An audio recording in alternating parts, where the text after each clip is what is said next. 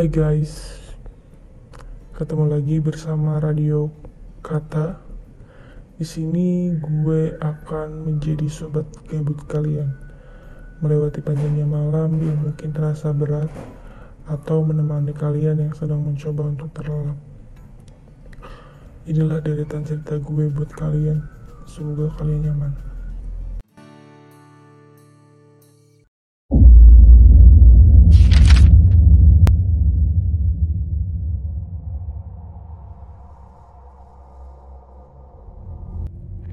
Menurut kalian jadi indigo itu enak nggak? Saat gue nanya ini itu, 75% dari orang yang gue tanyain jawabannya iya. Indigo itu enak. Ya mungkin menurut kalian jadi indigo itu hal yang menyenangkan dapat melihat hal yang tidak dapat dilihat orang-orang pada umumnya. Bisa meramal masa depan, bisa merasakan apa yang tidak bisa dirasakan orang-orang kebanyakan, tapi bagi gue enggak. Pola pikir gue jadi jauh melampaui orang-orang kebanyakan. Sampai gue dianggap aneh gitu. Gue cuma punya sedikit teman gara-gara hal itu. Bahkan gak jarang juga gue yang menghindar karena punya firasat buruk terhadap seseorang. Bahkan itu menyebabkan gue jadi introvert. Ya gue merasa asing terhadap semua tempat semua orang gue bahkan lebih senang sendirian dalam kesunyian satu-satunya tempat yang paling nyaman menurut gue adalah kamar gue sendiri. Itu benar-benar sunyi dan jauh dari gangguan makhluk tak kasat mata yang kadang mencoba berinteraksi sama gue. Dan hal itu ngejadiin gue pusing. Makanya gue lebih sering di kamar. Begitu juga dalam lingkup keluarga gue adalah anak yang teramat pendiam. Gue jarang banget ngomong sama orang-orang rumah kecuali mama yang sering ngajak gue ngobrol dengerin cerita gue hari-hari yang gue alami gimana senang apa enggak siapa yang ngebeli gue ya cuma mama yang bisa ngertiin gue di samping itu ketika gue ngomong sesuatu banyak orang yang gak bisa nerima bahkan gak bisa diterima oleh akal sehat mereka.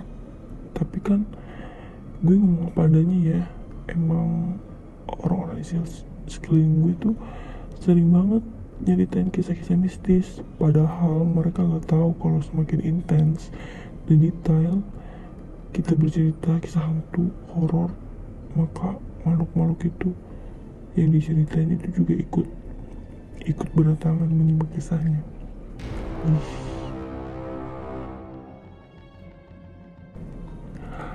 Gue gak tahu ini anugerah apa musibah.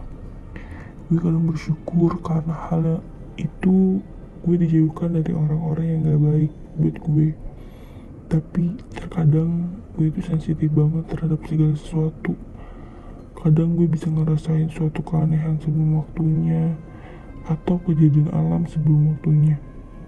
Contohnya aja nih kalau gue udah udah gelisah panik dan keringetan biasanya dalam beberapa hari ke depan akan ada terjadi sesuatu terhadap orang yang kenal. Dan itu hal yang membuat gue takut kalau sampai terjadi apa-apa terhadap mama gue sih. Gue ngerti kenapa insting gue jadi begitu sensitif. Kalau di antara kalian berpikiran wah pasti wah pasti itu ditimbali setan gitu. Atau lu pasti bikin perjanjian sama jin atau bla bla lainnya. Tapi please gue gak pernah minta ini. Ini datang dengan sendirinya dari gue lahir. Gue pernah di Rukia beberapa kali dan hasilnya tetap sama. Gue pernah mencoba untuk bersikap bodo amat terhadap segala omongan orang tentang gue. Tapi itu selalu datang bertubi-tubi ke gue. Makin lama makin bertambahnya hari gue bisa menghadapi bullying dan segala keanehan dari makhluk astral. Gue bisa berteman dengan siapa aja dunia manusia maupun dunia tak kasat mata.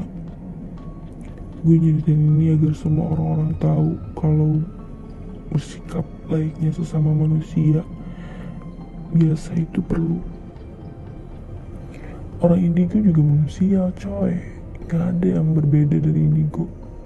Indigo juga ingin berteman, memiliki kebebasan. Ya, gitulah cerita gue. Sekian dari gue. Salam, sobat gabut.